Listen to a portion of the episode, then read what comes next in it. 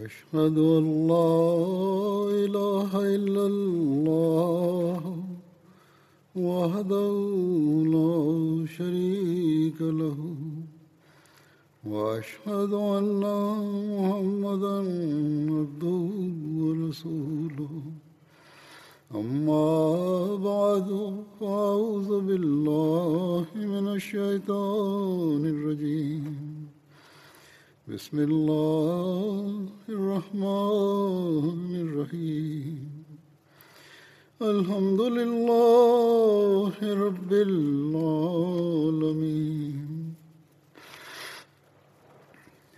الرحمن الرحيم. مالك يوم الدين. إياك نعبد وإياك نستعين. اهدنا الصراط المستقيم. صراط الذين أنعمت عليهم. غير المغضوب عليهم ولا الضالين.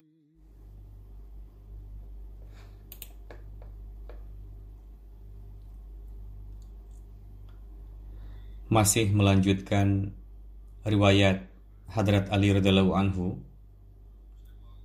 berkenaan dengan latar belakang syahidnya Hadrat Ali, Hadrat Muslim Maud radhiallahu anhu bersabda, Ketika permasalahan masih belum terkendali sepenuhnya, kelompok Khawarij mengusulkan bahwa untuk menghentikan kekisruhan ini adalah dengan membunuh para tokoh pembesar Lalu beberapa pemberani dari antara mereka, salah satunya bertekad akan membunuh Hadrat Ali, Hadrat Muawiyah, dan Hadrat Amr bin As serempak dalam satu hari.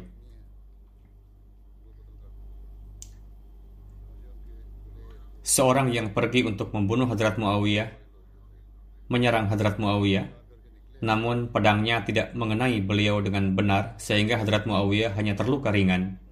Orang itu pun tertangkap dan setelah itu dihukum mati.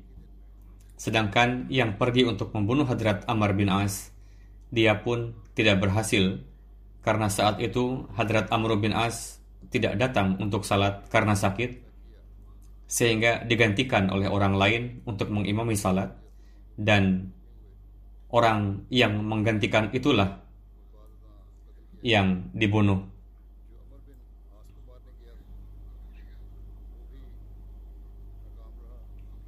Namun orang yang bertugas akan menyerang Hadrat Amr bin As tadi tertangkap dan kemudian dihukum mati.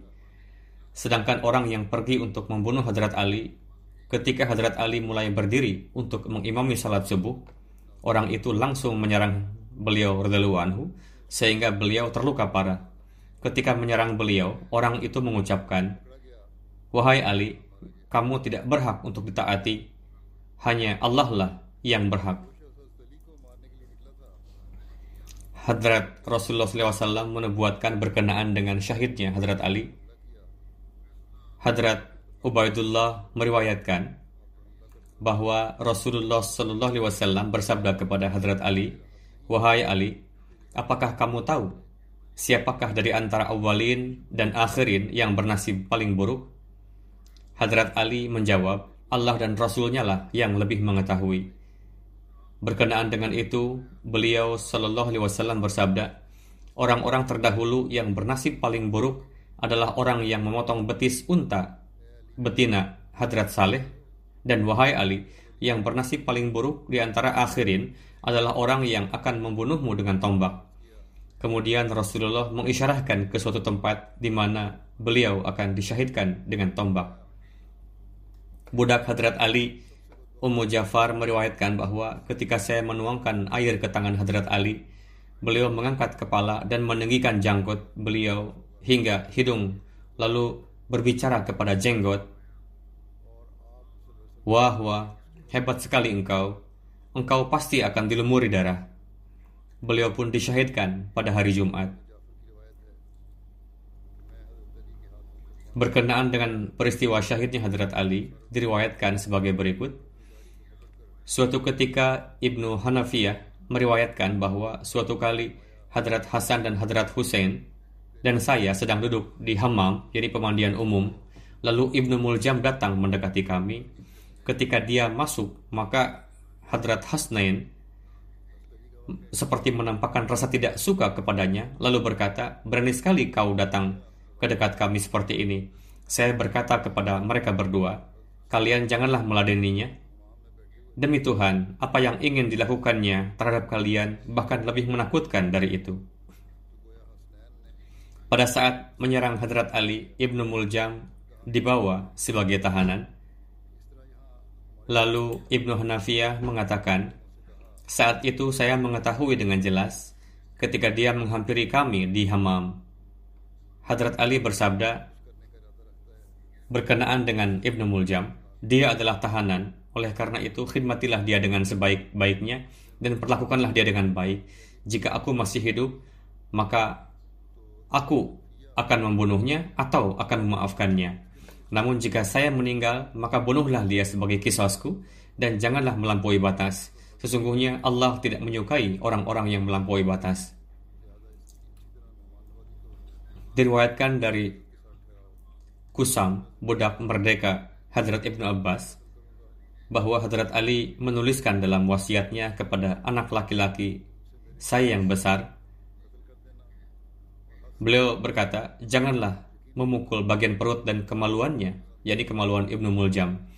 Orang-orang menjelaskan bahwa di antara para khawarij ada tiga laki-laki yang dicalonkan untuk mengeksekusi, yaitu Abdurrahman bin Muljam Muradi, dari kabilah Hamir dan termasuk ke dalam kabilah Murad yang merupakan sekutu keluarga besar Kandah, Banu Jabalah. Kedua, Buruk bin Abdullah Tamimi dan Amar bin Bukair Tamimi. Mereka bertiga berkumpul di Mekah dan mereka bertekad untuk membunuh tiga orang itu, yakni Hadrat Ali bin Abi Talib, Hadrat Muawiyah bin Abu Sufyan, dan Hadrat Amr bin As. Sebagaimana yang telah dijelaskan di awal, tiga nama pembunuh yang kisahnya disampaikan oleh Hadrat Muslim anhu di awal. Dan mereka bertekad akan membebaskan orang-orang dari tiga wujud suci ini. Abdurrahman bin Mulja mengatakan bahwa akulah yang bertanggung jawab untuk membunuh Ali bin Abi Talib. Burak mengatakan bahwa aku yang akan membunuh Muawiyah dan Ammar bin Bukair mengatakan Akulah yang akan menyelamatkan kalian dari Amar bin As. Setelah itu mereka mengikrarkan janji setia dan saling meyakinkan bahwa mereka tidak akan mundur dari janji tersebut sebelum mereka berhasil membunuh targetnya atau terbunuh dalam tugas itu, yakni mereka tidak akan kembali dari tugas sebelum berhasil membunuh targetnya atau terbunuh.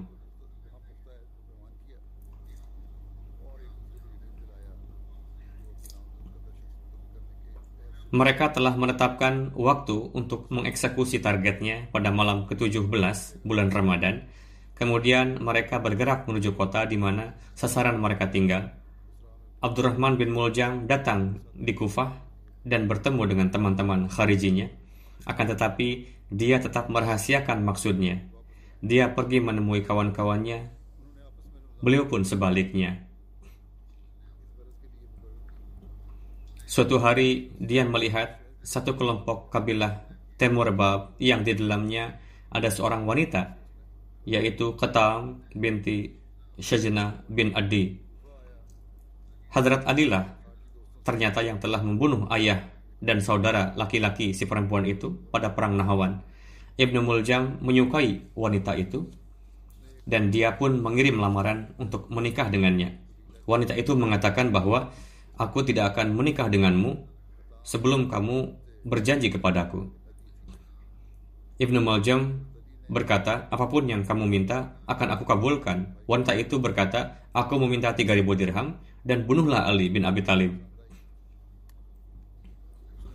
Dia mengatakan, demi Allah, aku justru datang ke kota ini untuk membunuh Ali bin Abi Talib dan aku pasti akan memberikan apa yang kamu minta. Kemudian Ibnu Muljam bertemu dengan Shabib bin Bajrah Ashja'i dan dia pun memberitahukan tujuannya lalu meminta untuk tinggal bersamanya. Shabib pun menurutinya. Malam hari itu Ibnu Muljam telah beriradah untuk mensyahidkan Hadrat Ali. Ash'as bin Qais melewati sambil berbisik dengannya di Masjid Kandi. Ketika hendak terbit fajar, Ash'as mengatakan kepadanya, "Bangunlah, ini sudah pagi." Abdurrahman bin Muljam dan Shabib bin Bajra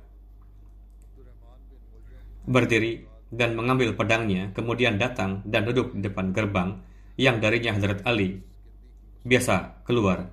Hadrat Hasan bin Ali mengatakan, saya datang dan duduk di dekat Hadrat Ali pada pagi hari. Saat itu Hadrat Ali bersabda, sepanjang malam aku terus membangunkan keluargaku. Ketika duduk, aku pun mengantuk.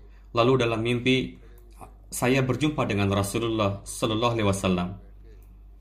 Saya berkata, wahai Rasulullah, saya sedang menghadapi kebengkokan dan perselisihan yang sengit dari antara umat Anda. Rasulullah SAW bersabda, berdoalah kepada Allah Ta'ala dalam menghadapi mereka. Saya katakan, Ya Allah, berikanlah kepadaku yang lebih baik dari mereka sebagai pengganti mereka, dan berikanlah kepada mereka yang lebih buruk dari saya sebagai pengganti saya. Setelah itu Ibnu Naba Muazzin datang dan berkata, waktu salat sudah tiba, Hadrat Hasan mengatakan, aku memegang tangan Hadrat Ali, kemudian beliau bangun dan pergi. Ibnu Nibah di depan beliau dan saya di belakangnya. Ketika beliau keluar dari pintu, maka beliau berseru, Wahai orang-orang, salat, salat, Beliau selalu melakukan seperti itu setiap hari. Ketika beliau keluar, di tangan beliau selalu ada cambuk dan memukulkannya pada pintu-pintu untuk membangunkan orang-orang. Pada saat itu, kedua penyerang itu muncul di hadapan beliau dan beberapa dari antara saksi mata mengatakan bahwa saya melihat kilauan pedang dan seseorang mendengar penyerang itu berkata, "Wahai Ali, memerintah adalah hak Allah Ta'ala, bukan hak kamu. Kemudian aku melihat pedang yang lain, lalu keduanya bersamaan menyerang beliau. Pedang Abdurrahman bin Muljam mengenai kening Hadrat Ali sampai ke kepala, sementara pedang Syabib mengenai kayu pintu. Saya mendengar Hadrat Ali bersabda, jangan biarkan orang ini kabur dari kalian. Orang-orang pun berpencar, mengepung dari segala arah. Akan tetapi Syabib berhasil lolos, sementara Abdurrahman bin Muljam tertangkap dan dibawa ke hadapan Hadrat Ali. Hadrat Ali bersabda, Berikanlah makanan yang layak untuknya dan berikanlah alas tidur yang lembut. Jika aku masih hidup, maka akulah yang berhak memaafkannya atau mengambil kisah darinya. Sedangkan jika aku meninggal, maka bunuhlah dan pertemukanlah denganku. Aku akan mengadukannya ke hadapan Rabbul Alamin, yakni kami akan menghadapkan persoalan ini ke hadapan Allah Ta'ala. Ketika kewafatan Hadrat Ali sudah dekat, maka beliau pun berwasiat. Wasiat yang diberikan oleh Ali bin Abi Talib. Ali, Hadrat Ali mewasiatkan, Aku bersaksi. Ali mewasiatkan, Aku bersaksi.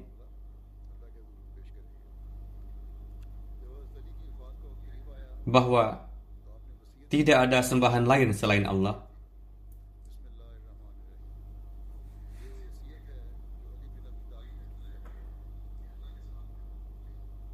Dia adalah Esa.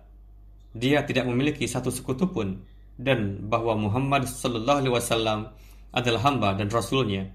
Allah taala telah mengutusnya dengan hidayah dan agama yang benar setelah menganugerahkan agama yang benar lalu mengutusnya agar memenangkan agama ini di atas seluruh agama. Walaupun perkara ini tidak disukai oleh orang-orang musyrik, sesungguhnya salatku, pengorbananku, dan hidupku serta matiku semuanya untuk Allah Rabbul Alamin. Tidak ada yang menyamai dia. Dan untuk itu aku diperintahkan dan aku berada di antara orang-orang yang taat.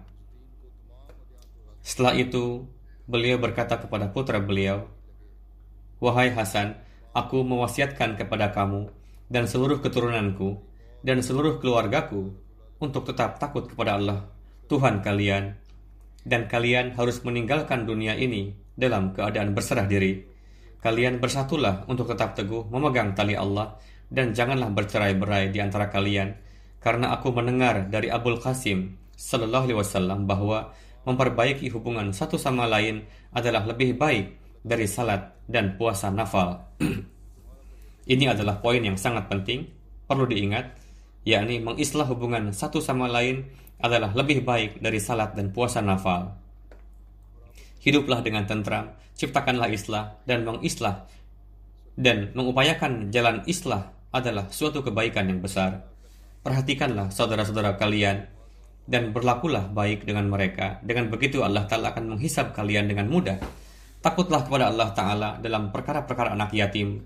Janganlah buat mereka terpaksa untuk memohon bantuan dari kalian dengan lisan mereka. Dan jangan sampai mereka sia-sia di hadapan kalian. Berkenaan dengan tetangga, takutlah kamu sekalian kepada Allah Ta'ala karena wasiat dari Nabi engkau Sallallahu Alaihi Wasallam di mana beliau Sallallahu Alaihi Wasallam begitu menekankan untuk memenuhi hak-hak para tetangga sehingga kami beranggapan bahwa jangan-jangan Rasulullah menjadikan para tetangga pun sebagai ahli waris. Dalam hal-hal terkait Al-Quran, takutlah kalian kepada Allah, jangan sampai orang lain mendahului kalian dalam hal ini dalam hal-hal terkait salat, takutlah kalian kepada Allah Ta'ala, karena ini adalah pilar agama kalian. Mengenai rumah Tuhan kalian, yakni masjid, takutlah kalian kepada Allah Ta'ala, dan di sepanjang hidup kalian, janganlah kalian membiarkannya kosong, karena apabila ia dibiarkan kosong, maka tidak ada rumah yang seperti itu yang akan kalian temui. Dalam hal-hal terkait jihad visabilillah, takutlah kalian kepada Allah, dan berjihadlah kalian dengan segenap jiwa dan harta-harta kalian mengenai zakat, takutlah kalian kepada Allah Ta'ala karena hal ini memadamkan kemurkaan Tuhan. Berkenaan dengan tanggung jawab Nabi kita SAW, takutlah kalian kepada Allah dan janganlah seseorang di antara kalian mendapatkan perlakuan aniaya. Berkenaan dengan para sahabat Rasulullah, takutlah kalian kepada Allah karena Rasulullah telah memberikan wasiat mengenai keutamaan mereka. Berkenaan dengan orang-orang fakir dan miskin pun, takutlah kalian kepada Allah Ta'ala dan ikutkanlah diri kalian dalam pemenuhan sarana-sarana penghidupan, penghidupan mereka. Kemudian, takutlah kalian kepada Allah berkenaan dengan hal ini, di mana tangan kanan kalian berkuasa atasnya, yakni terhadap tanggung jawab yang telah dibebankan di atas pundak kalian, berkaitan dengan perkara-perkara yang di dalamnya, pun takutlah kalian kepada Allah Ta'ala. Jagalah salat kalian, jagalah salat kalian. Rasulullah bersabda, demi meraih ridha Tuhan, janganlah kalian takut terhadap siapa pun penghasut. Hendaknya keridaan Tuhan senantiasa diutamakan. Ini adalah hal yang terpenting, karena wujud Tuhan itu akan cukup bagi kalian dalam melawan orang yang ingin menyakiti kalian dan ingin mengkhianati kalian. Katakanlah perkataan-perkataan baik kepada manusia, sebagaimana Allah yang Allah telah telah perintahkan kepada kalian. Janganlah kalian meninggalkan amar ma'ruf nahi munkar, yakni menyuruh kepada yang baik dan melarang kepada yang keji.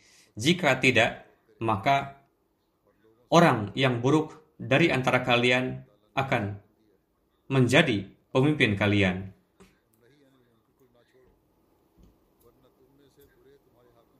Amar ma'ruf dan nahi mungkar adalah hal yang sangat penting, yaitu menyeru kepada perbuatan-perbuatan baik dan mencegah dari perbuatan-perbuatan buruk.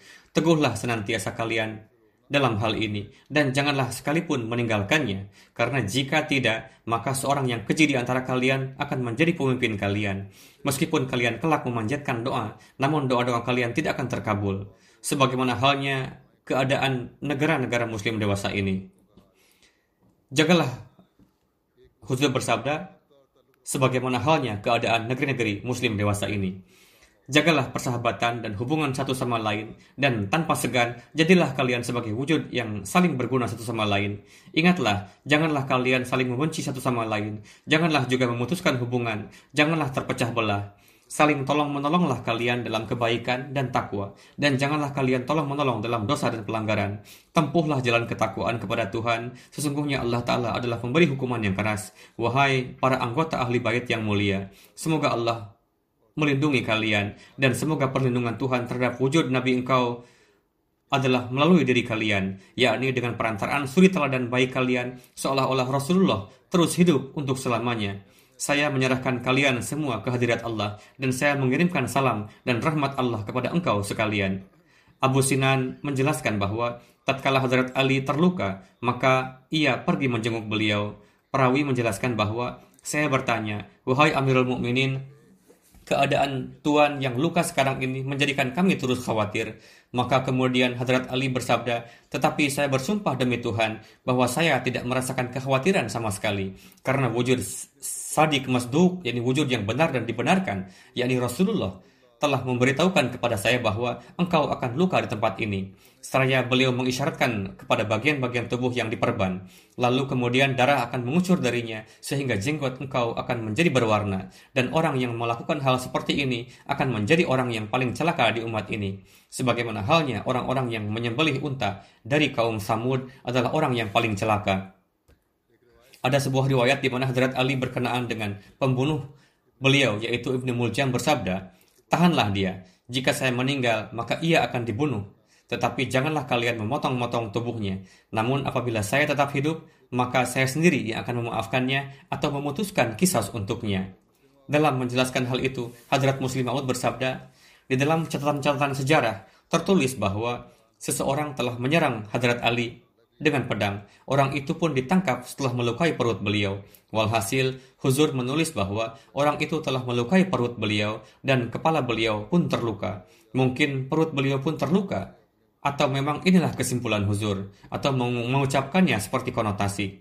Walhasil, hal ini karena kebanyakan riwayat-riwayat menyebutkan luka di kepala. Tatkala orang itu ditangkap, maka para sahabat bertanya kepada beliau radhiyallahu anhu, apa yang seharusnya kita lakukan kepadanya? Beliau memanggil Hadrat Imam Hasan dan berwasiat, Apabila saya meninggal, maka ambillah nyawanya sebagai ganti nyawa saya.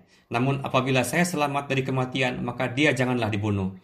Amr Zimul Mur mengata, menjelaskan bahwa tatkala Hadrat Ali terluka karena tebasan pedang, maka saya datang ke hadapan beliau dan kepada beliau telah dibalut kain dan kepala beliau telah dibalut kain. Saya bertanya kepada beliau, "Wahai Amirul Mukminin, perlihatkanlah luka engkau kepada saya." Beliau membuka balutan kain dan memperlihatkan luka beliau. Maka saya menyentuhnya dan lukanya tidak terlalu dalam dan tampak tidak parah. Beliau bersabda, "Saya akan berpisah dengan engkau sekalian." Saat itu putri beliau Ummi Kulsum terdengar tengah menangis terisak di balik tabir. Beliau bersabda, "Berhentilah, Nak. Apabila engkau kelak melihat apa yang engkau apa yang hendak aku lihat, maka janganlah menangis. Saya bertanya, wahai Amirul Mukminin, apa yang akan engkau lihat? Beliau bersabda, itu adalah kafilah para malaikat dan para nabi. Dan hal itu adalah Muhammad Rasulullah SAW yang tengah bersabda, saya Rasulullah tengah melihat satu pemandangan yakni kafilah para malaikat dan para nabi di mana Muhammad Rasulullah SAW pun ada di dalam kafilah itu dan bersabda, wahai Ali, yakni beliau yang mulia sallallahu alaihi tengah bersabda, "Wahai Ali, bersukacitalah karena tempat engkau telah tengah tuju. Karena tempat engkau tengah tuju adalah lebih baik dari tempat di mana engkau sekarang berada."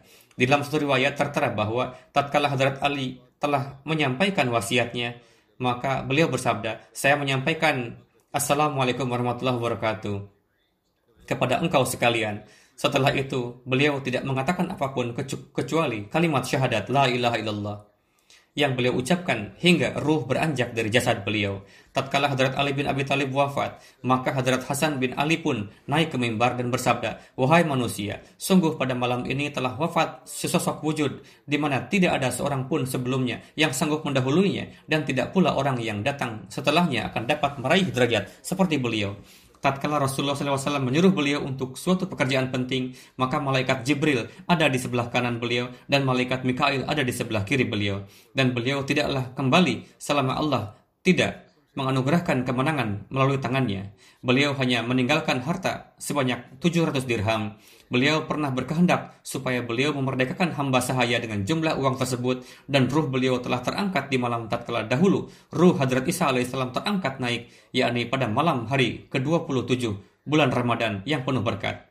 Di dalam salah satu riwayat dijelaskan bahwa tanggal pensyahidan Hadrat Ali adalah pada malam hari tanggal ke-17 bulan Ramadan di tahun 40 Hijriah. Yang dimaksud di sini adalah tahun 40 Hijriah dan masa kekhalifahan beliau adalah 4 tahun dan 8 bulan setengah. Hadrat Muslim Maud berkenaan dengan peristiwa ini menjelaskan bahwa di dalam buku Tabakat Ibnu Sa'ad jilid ketiga berkenaan dengan keadaan-keadaan pada peristiwa kewafatan Hadrat Ali karramahullah wajah diriwayatkan dari Hadrat Imam Hasan bahwa beliau Imam Hasan bersabda, "Wahai manusia, pada hari ini suatu sosok telah wafat di mana beberapa hal-hal darinya tidaklah orang-orang sebelum beliau mencapainya dan tidaklah orang-orang yang datang kemudian pun akan mencapainya."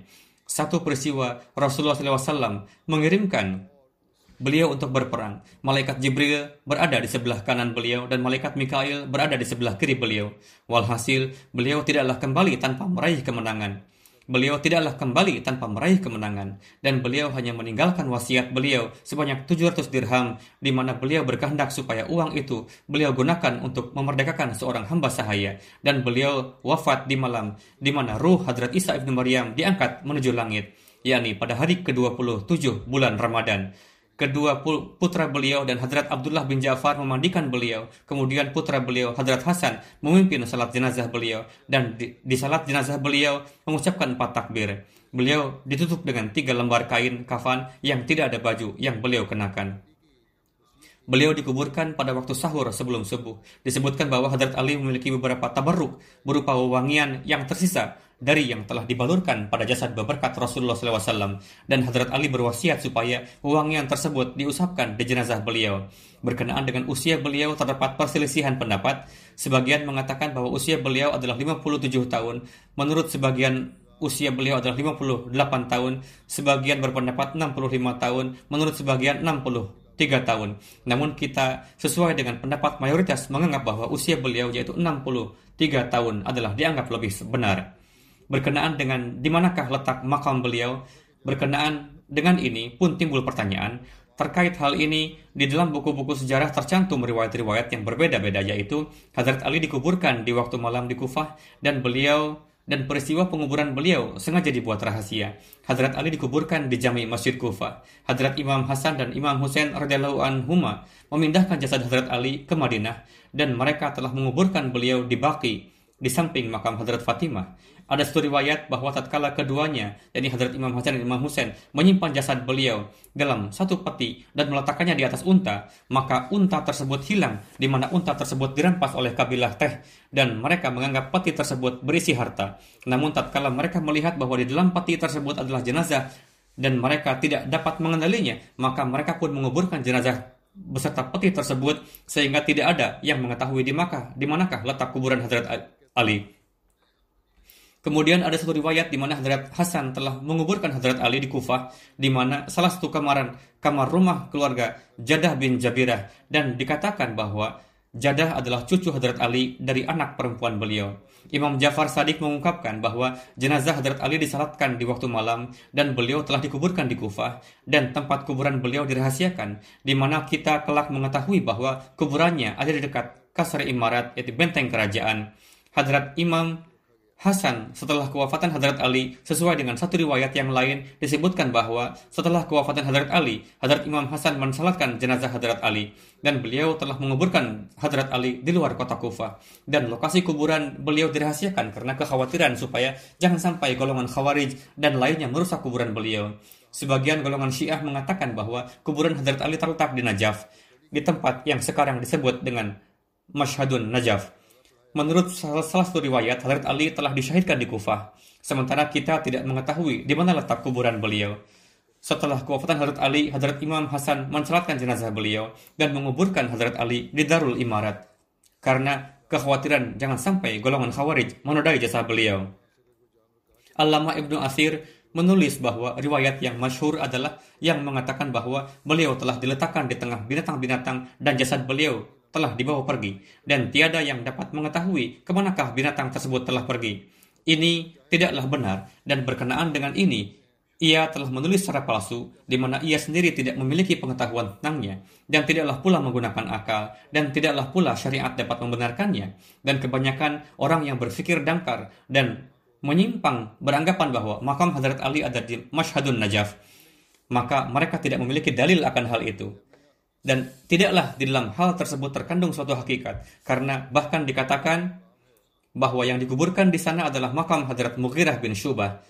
Ibnu Imam Ibnu Taimiyah mengatakan bahwa mengenai tempat di Najaf yang dikenal dengan nama Mashhad, para ahli menyetujui bahwa ini bukanlah kuburan Hadrat Ali, namun itu merupakan kuburan Hadrat Mughirah bin Syubah. Meskipun kekuasaan mereka di Kufah berlangsung lebih dari 300 tahun, namun ahli bait Syiah dan umat muslim lainnya tidak pernah menyebutkan bahwa itu adalah kuburan Hadrat Ali. 300 tahun pasca syahidnya Hadrat Ali, tempat tersebut dinamai Mashhad Ali. Untuk itu, riwayat yang menyatakan bahwa itu adalah kuburan Hadrat Ali adalah keliru. Hadrat Ali Allamah Ibnu Zawji dalam kitab tarikhnya berkenaan dengan kuburan Hadrat Ali setelah mencantumkan beragam riwayat yang disebutkan di atas, menulis, Wallahu a'lam ayul aqwal asah. yakni Allah lebih mengetahui ucapan yang mana yang lebih benar dan anak keturunan beliau diriwayatkan sebagai berikut. Hadrat Ali dalam berkenaan dengan pernikahan Hadrat Ali dan anak keturunan beliau diriwayatkan sebagai berikut. Hadrat Ali dalam beragam waktu melakukan delapan kali pernikahan. Nama para istri beliau di antaranya Fatimah binti Rasulullah, Khawla binti Ja'far bin Qais, Lailah binti Mas'ud bin Khalid, Ummul Banin binti Hizam bin Khalid, Asma binti Umais, Suhba Ummi Habib binti Rabi'ah, Amamah binti Abul As bin Rabi. Ini adalah putri Hadrat Zainab, yakni putri Hadrat Rasulullah atau cucu Hadrat Rasulullah. Ummi Sa'id binti Urwah bin Mas'ud Sakfi, dari mereka semua Allah telah memberikan banyak anak kepada beliau yang jumlahnya lebih dari 30, 14 putra dan 19 putri.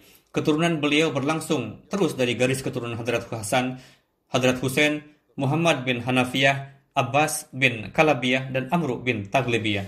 Berkenaan dengan keistimewaan dan akhlak dan sifat-sifat beliau tertulis. Hadrat Ibn Abbas meriwayatkan, Rasulullah pernah bersabda, Ana Madinatul Ilmi wa Ali babuha wa man arada al-Madinah fal ya'ti baba al-bab yakni aku adalah kotanya ilmu dan Ali adalah pintu gerbangnya barang siapa yang ingin memasukinya hendaklah masuk melalui pintunya Hadrat Muslim Maud bersabda, Hadrat Ali suatu ketika pernah bersabda, di antara sahabat yang paling berani adalah Hadrat Abu Bakar. Ketika dibuatkan tempat tinggi terpisah untuk Rasulullah saat itu, timbul pertanyaan, hari ini tugas penjagaan Rasulullah akan ditugaskan kepada siapa? Lalu Hadrat Abu Bakar segera datang dengan membawa pedang terhunus, lalu berdiri. Lalu, dalam kondisi yang sangat genting itu, beliau dengan penuh keberanian melakukan tugas menjaga Rasulullah SAW. Dalam hadis dijelaskan juga bahwa suatu ketika Rasulullah bersabda, Ana Madinatul Ilmi wa Ali babuha, yakni aku adalah kotanya ilmu dan Ali adalah pintu gerbangnya. Hadrat Ali pun ditetapkan sebagai ulama oleh Rasulullah. Namun pada perang Khaybar dalam keadaan yang sangat genting, Rasulullah menyerahkan bendera di tangan beliau. Dari itu diketahui bahwa pada zaman Rasulullah, para ulama tidaklah pengecut, melainkan yang paling berani. Hadrat Muslim Ma'ud di sini menjelaskan perihal keberanian para ulama. Hadrat Ali meriwayatkan, ada kalanya ketika saya mengikat batu di perut karena lapar yang sangat, sedangkan pada hari ini sedekah saya, yakni zakat, mencapai nilai 4.000 dinar. Dalam riwayat lain 40.000 dinar. Abu Bahar dari gurunya meriwayatkan bahwa beliau berkata, saya melihat Hadrat Ali mengikatkan sorban tebal. Hadrat Ali bersabda, saya membelinya seharga lima dirham. Barang siapa yang memberikan keuntungan satu dirham kepadaku, maka aku akan jual sorban ini kepadanya. Perawi mengatakan, saya melihat ada tas milik Hadrat Ali, seharga beberapa dirham. Beliau bersabda, ini adalah nafkah yang tersisa kami dari antara harta kekayaan Yanbu. Yanbu adalah sebuah desa yang berjarak tujuh manzal dari Madinah. terletak di dekat pantai laut. Pada cincin Hadrat Ali tertulis Allahul Malik, artinya Allah lah Raja. Jume bin Umar meriwayatkan, saya datang menemui Hadrat Aisyah bersama bibi saya. Bibi saya bertanya, siapa yang paling dicintai oleh Rasulullah dari antara wanita? Hadrat Aisyah berkata, Fatimah. Lalu ditanyakan lagi, dari antara pria? Hadrat Aisyah bersabda, suaminya, yakni Hadrat Ali. Hadrat Salabah bin Abu Malik meriwayatkan, Hadrat Sa'ad bin Ubadah dalam setiap medan perang biasanya membawa bendera ditugaskan oleh Rasulullah. Namun ketika tiba waktu berperang, Hadrat Ali bin Abi Thalib biasa yang memegang bendera. Seorang dari kabilah Sakif meriwayatkan, Hadrat Ali menugaskan saya sebagai amil di daerah Sabur, sebuah daerah di Faris yang berjarak sekitar 100 mil dari Shiraz.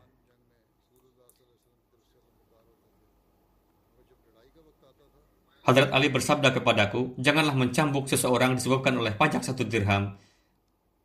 Janganlah terus mengusik rezeki orang lain. Jangan juga pada pakaian mereka ketika musim dingin ataupun panas. Yakni janganlah mengambil pajak yang membuat pakaian mereka terbuka. Janganlah menuntut hewan yang digunakan oleh mereka. Janganlah terus berdiri untuk menuntut satu dirham dari seseorang yakni ketika akan menarik pajak jangan sampai menjadi beban bagi seseorang. Saya berkata, Wahai Amirul Mukminin, kalau begitu saya akan kembali pulang kepada Anda seperti halnya saya pergi meninggalkan Anda, yakni tidak akan mendapatkan apa-apa. Hazrat Ali bersabda, semoga kebaikan tercurah padamu. Sekalipun kamu kembali dengan tangan kosong, telah diperintahkan kepada kita untuk menarik pajak dari antara harta yang melebihi keperluannya. Hadrat Ibnu Abbas meriwayatkan Rasulullah SAW bersabda kepada Hadrat Ali, kamu adalah saudaraku dan juga kawanku.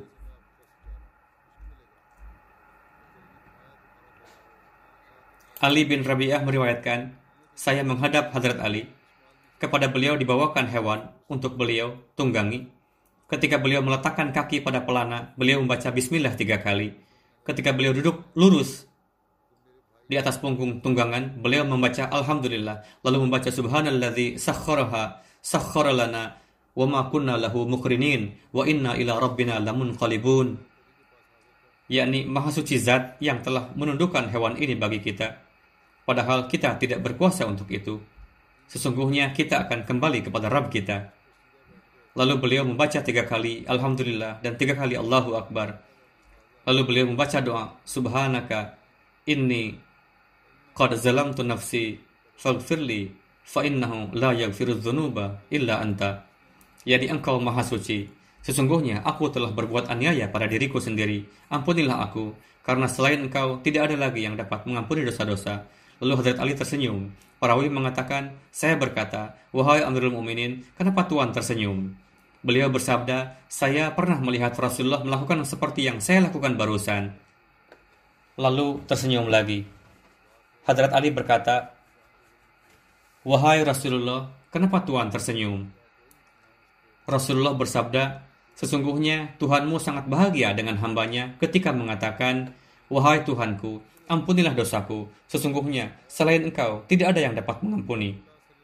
Mendengar itu, Rasulullah tersenyum.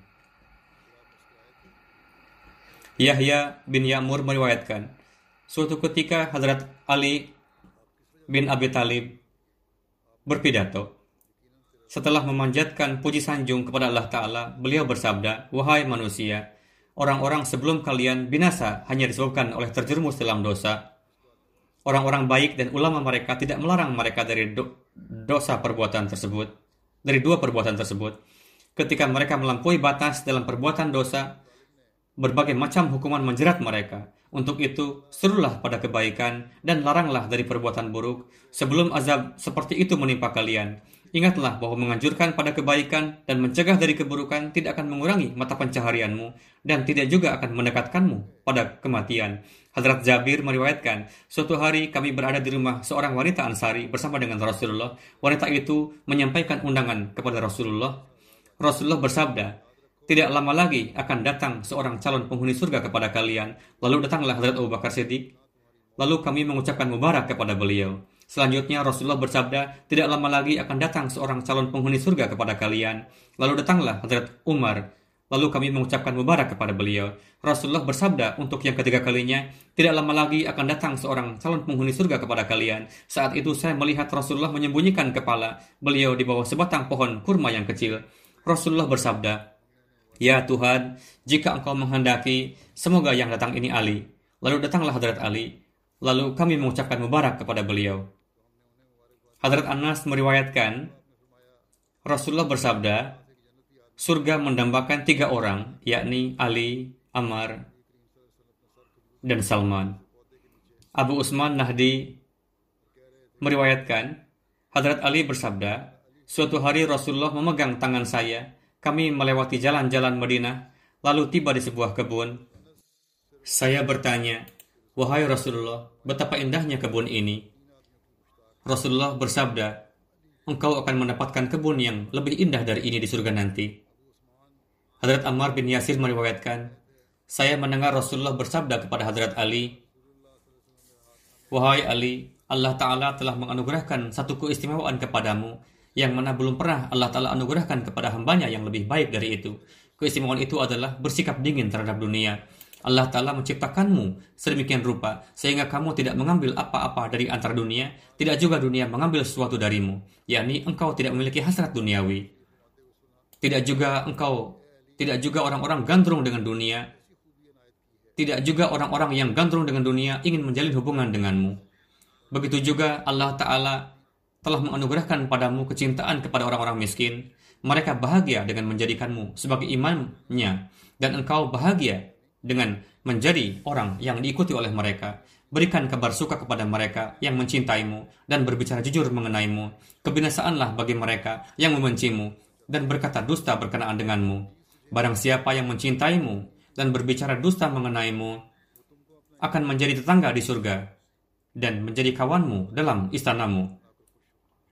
Orang-orang yang membencimu dan berdusta mengenaimu, Allah Ta'ala telah mengambil tanggung jawab bahwa pada hari kiamat dia akan memberikan mereka eh, memberdirikan mereka di tempat berdirinya orang-orang yang banyak berdusta.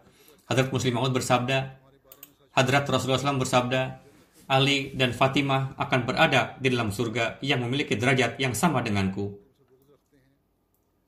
Berkenaan dengan penetapan Hadrat Ali sebagai Ashraf Mubasyarah, yakni Hadrat Ali termasuk ke dalam 10 sahabat beruntung yang ketika hidup di dunia mendapatkan kabar suka yang keluar dari lisan beberkat Rasulullah SAW bahwa akan masuk surga. Hadrat Said bin Zaid berkata, pertama Rasulullah SAW sendiri, Abu Bakar, Umar, Uthman, Ali, Talha, Zubair, Sa'ad, dan Abdurrahman bin Auf. Ada yang bertanya, siapakah yang ke-10? Hadrat Said bin Zaid berkata, itu adalah aku.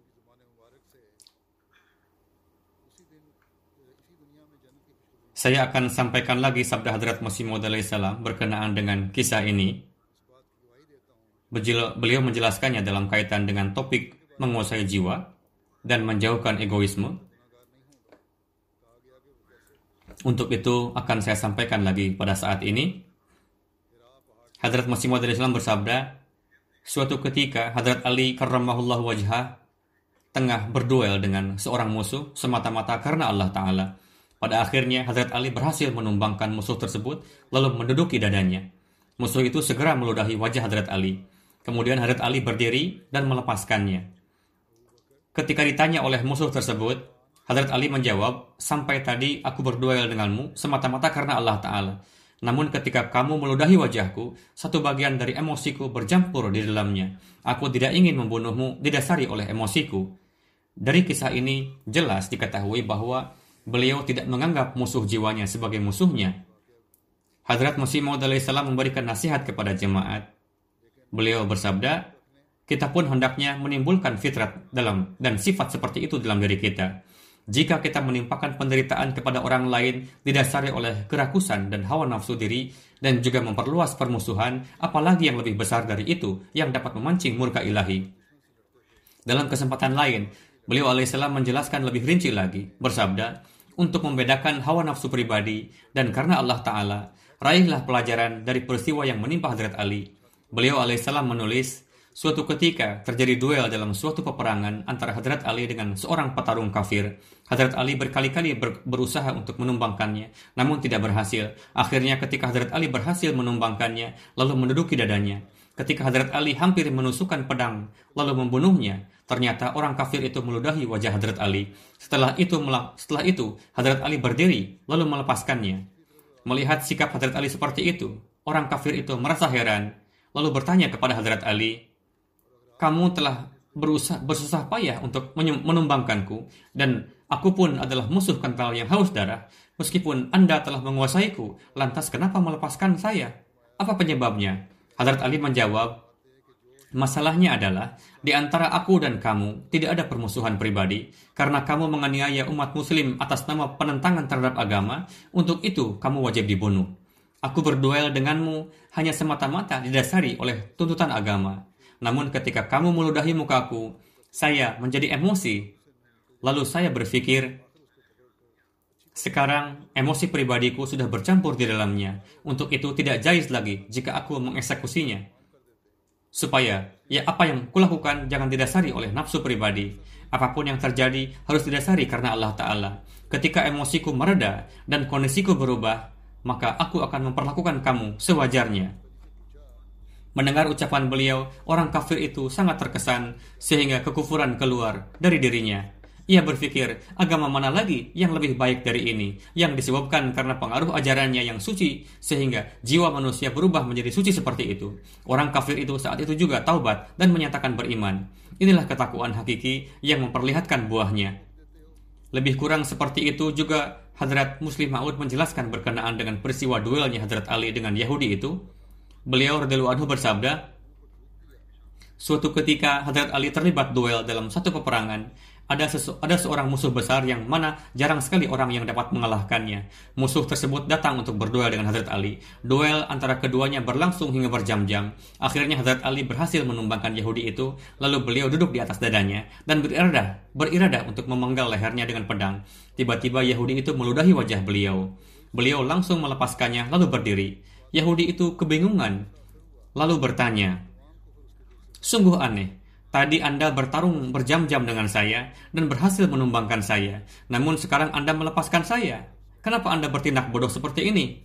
Hadrat Ali bersabda, Aku tidaklah bertindak bodoh.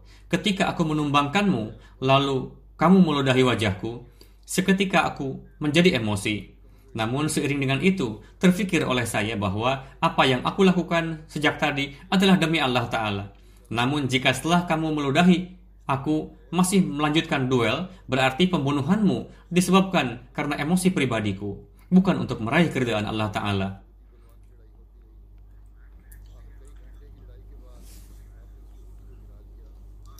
Untuk itu, aku menganggap sesuai jika saat emosi itu kulepaskan kamu.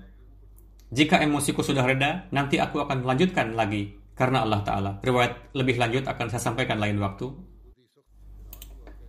Saat ini, saya ingin menyampaikan lagi satu hal. Hari ini adalah hari pertama tahun baru dan juga Jum'ah pertama. Panjatkanlah doa semoga tahun ini membawa keberkatan bagi jemaat, bagi dunia, dan juga bagi umat manusia. Semoga kita pun dapat memenuhi tanggung jawab, tunduk dan patuh kepada Allah Ta'ala, dan juga dapat meningkatkan standar ibadah kita lebih dari sebelumnya. Begitupun, semoga penduduk dunia dapat memahami tujuan penciptaannya dan memenuhi hak-hak Allah Ta'ala. Alih-alih saling merampas hak satu sama lain, semoga mereka mengamalkan hukum-hukum Allah Ta'ala dan memenuhi hak-hak satu sama lain. Jika tidak, Allah Ta'ala akan menarik perhatian orang-orang duniawi lagi dengan caranya untuk memenuhi kewajibannya. Semoga kita dan segenap manusia di dunia dapat memahami poin penting ini sehingga dapat menata kehidupan dunia dan akhiratnya. Sepanjang tahun lalu sampai saat ini kita masih menghadapi wabah penyakit yang sangat berbahaya dan tidak ada satupun negara di dunia ini yang luput dari wabah ini. Ada yang terdampak berat, namun ada juga yang ringan. Namun nampaknya kebanyakan penduduk dunia masih belum ingin memberikan perhatian bahwa jangan-jangan wabah ini dari Allah Ta'ala untuk menyadarkan kita akan hak-hak dan kewajiban kita. Mereka tidak ingin berpikir ke arah itu. Jangan-jangan melalui wabah ini Allah Ta'ala ingin menyadarkan dan mengabarkan kepada kita. Tidak ada yang berpikir ke arah sana beberapa bulan lalu saya telah mengirimkan surat kepada banyak kepala negara berkenaan dengan hal itu. Saya juga berusaha untuk memahamkan berkenaan dengan COVID ini dengan merujuk pada sabda-sabda Hadrat Masih Maud salam bahwa bencana ini berasal dari Allah Ta'ala disebabkan karena manusia telah melupakan dan tidak memenuhi tanggung jawab dan kewajibannya, bahkan telah meningkat dalam ketidakadilan. Menanggapi surat tersebut, sebagian kepala negara telah memberikan jawabannya, namun jawaban yang mereka jawab, yang mereka sampaikan hanya menyoroti sisi duniawi saja, dengan menyatakan bahwa kami pun berharap seperti itu. Mereka tidak menyinggung sisi agamanya, padahal penjelasan yang saya tuliskan lebih dominan sisi keagamaannya. Namun, mereka tidak ingin menempuh langkah untuk merubah keadaannya. Mereka mereka tidak mau bersimpatik kepada bangsanya dengan mengalihkan perhatian mereka pada tujuan hakiki kehidupan mereka. Meskipun para kepala negara ini mengetahui bahwa dampak dari wabah ini akan sangat berbahaya. Setiap kepala negara, setiap orang yang berakal, sehat, begitu juga setiap analis memaklumi hal itu. Namun meskipun demikian, mereka tidak menaruh perhatian pada solusi yang hakiki. Hanya fokus pada upaya-upaya duniawi. Selain merugikan kesehatan, wabah ini tidak hanya melemahkan ekonomi setiap individu manusia, bahkan secara umum negara-negara kaya pun mengalami resesi ekonomi. Solusi yang dimiliki oleh orang-orang duniawi ketika mengalami kejatuhan ekonomi seperti itu, seperti ini hanyalah dengan menguasai ekonomi negara-negara kecil. Mereka berusaha bagaimana untuk menjebak negara-negara kecil ke dalam perangkapnya, lalu menguasai harta kekayaan negara miskin tadi dengan berbagai alasan. Untuk tujuan itu dibuat blok-blok dan saat ini tengah dilakukan.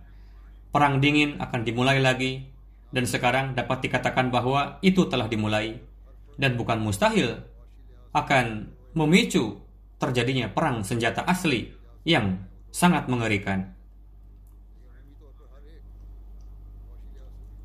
Kemudian mereka akan terjerumus lagi ke dalam jurang yang dalam.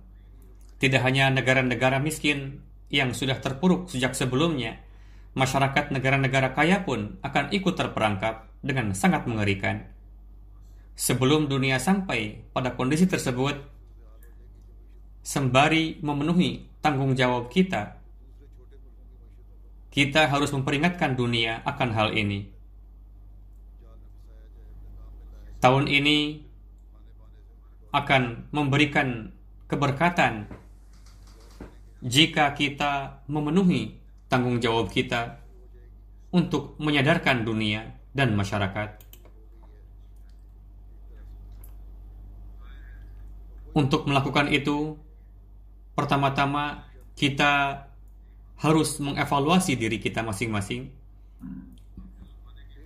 Kita yang telah beriman kepada Imam Zaman, Masih Maud dan Mahdi Mahmud, apa, apakah keadaan kita sudah sedemikian rupa yang mana seiring memenuhi hak-hak Allah Ta'ala, kita pun memenuhi hak-hak Allah Ta'ala secara ikhlas? Ataukah kita masih perlu untuk mengislah diri kita dan perlu untuk meningkatkan standar semangat kasih sayang kita pada level yang luar biasa.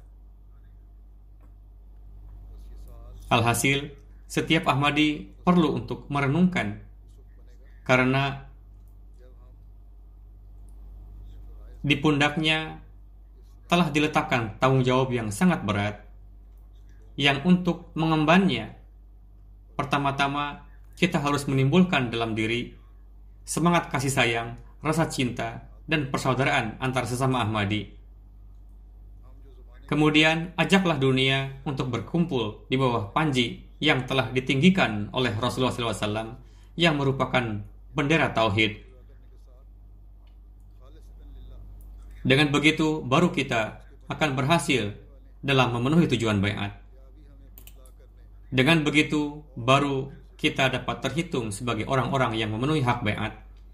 Baru kita dapat menjadi pewaris karunia-karunia Allah Ta'ala. Dengan begitu, baru kita akan berhak untuk memberikan dan menerima ucapan mubarak tahun baru.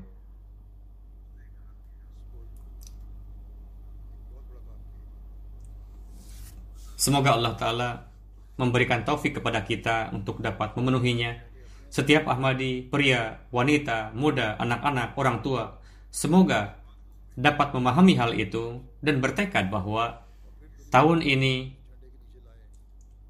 saya akan menggunakan segenap kapasitas diri untuk menciptakan revolusi di dunia.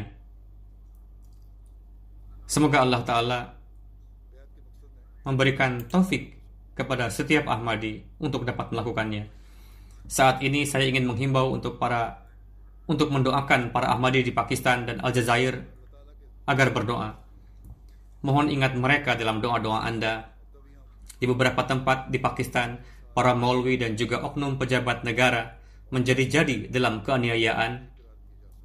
Semoga Allah Ta'ala segera menindak orang-orang yang sudah tidak layak lagi untuk diperbaiki. Allah Ta'ala maha mengetahui siapa yang bisa diislah dan siapa yang tidak. Bagi mereka yang sudah tidak mempan lagi, semoga Allah Ta'ala segera mencengkeramnya. Mereka berusaha untuk menzalimi para Ahmadi dengan menunggangi undang-undang penistaan kenabian. Mereka berusaha untuk melarang beberapa sarana yang digunakan oleh para Ahmadi untuk mendapatkan terbiat intern yang kita miliki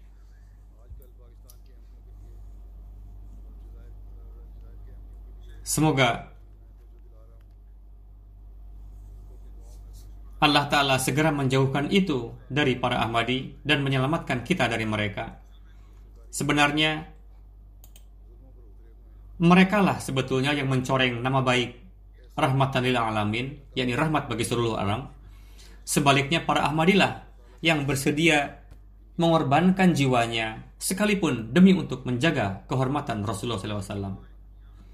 Pada masa ini, para Ahmadillah yang paling gencar dalam menggiring dunia untuk berkumpul di bawah bendera Rasulullah. Yakni Ahmadillah yang melakukan ini secara hakiki. Bahkan dapat juga dikatakan jika memang ada yang melakukan tugas tersebut, hanya para Ahmadillah yang melakukannya. Memang orang-orang duniawi ini pemerintahan duniawi dapat menzalimi kita demi untuk meraup harta. Namun perlu diingat bahwa kita meyakini Tuhan yang merupakan sebaik-baik pelindung dan sebaik-baik penolong. Sesungguhnya pertolongannya akan datang dan itu pasti. Ketika pertolongan Allah Ta'ala datang, debu orang-orang duniawi dan mereka yang merasa diri kuat dan berkuasa ini tidak akan nampak sama sekali.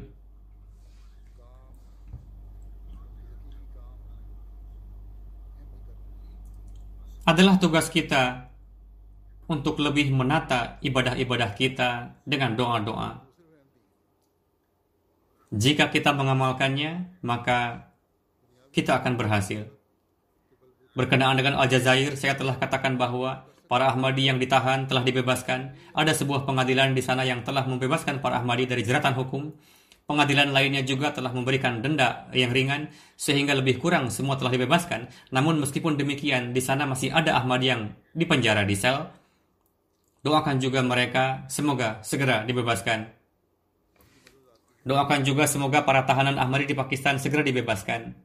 Kebahagiaan hakiki bagi kita apakah itu hari tahun baru ataupun hari raya Id, telah kita raih jika di setiap penjuru dunia bendera tauhid ilahi berkibar,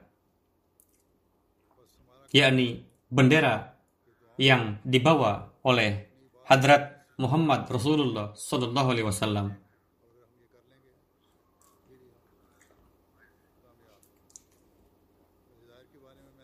Kebahagiaan hakiki akan diraih jika manusia mengenali nilai-nilai kemanusiaan. ketika kebencian satu sama lain berubah menjadi rasa cinta. Semoga Allah Ta'ala segera memberikan kebahagiaan ini kepada kita. Begitu juga, semoga Allah Ta'ala memberikan akal kepada umat Islam untuk beriman kepada Masih Maud dan Mahdi Mahmud yang telah datang ini. Semoga Allah Ta'ala memberikan akal kepada dunia agar menaruh perhatian untuk memenuhi hak-hak Allah Ta'ala dan hambanya. Semoga Allah Ta'ala melindungi setiap Ahmadi di berbagai negeri dan semoga tahun ini menjadi rahmat dan keberkatan bagi setiap Ahmadi dan umat manusia. Begitu juga kelemahan dan kelalaian yang pernah kita lakukan pada tahun yang lalu sehingga menjadi penyebab murka ilahi dan juga menjadi penyebab luputnya kita dari nikmat-nikmat. Semoga Allah Ta'ala menyelamatkan kita dari itu semua dan menjadikan kita pewaris nikmat-nikmat dan karunia-Nya sehingga kita menjadi mukmin hakiki. Semoga Allah telah memberikan taufik kepada kita untuk dapat memanjatkan doa-doa tersebut. Amin.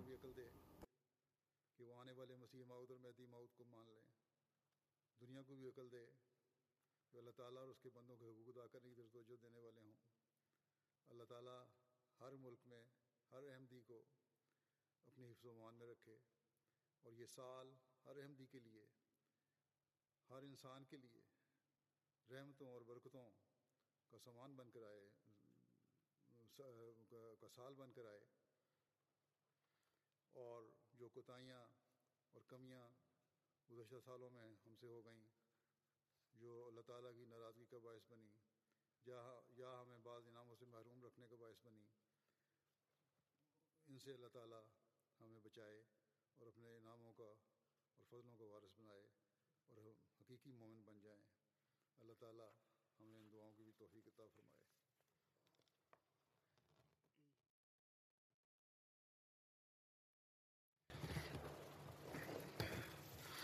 الحمد لله الحمد لله نحمده ونستعينه ونستغفره ونؤمن به ونتوكل عليه ونعوذ بالله من شرور انفسنا ومن سيئات أعمالنا من يهده الله فلا مضل له ومن يضلله فلا هادي له.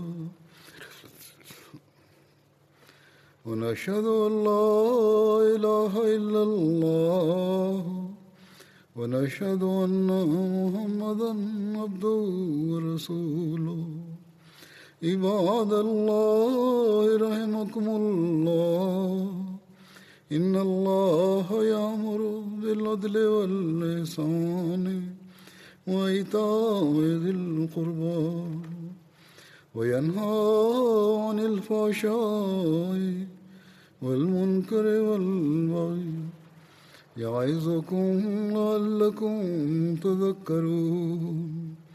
اذكروا الله يذكركم وادعوه يستجب لكم ولذكر الله أكبر.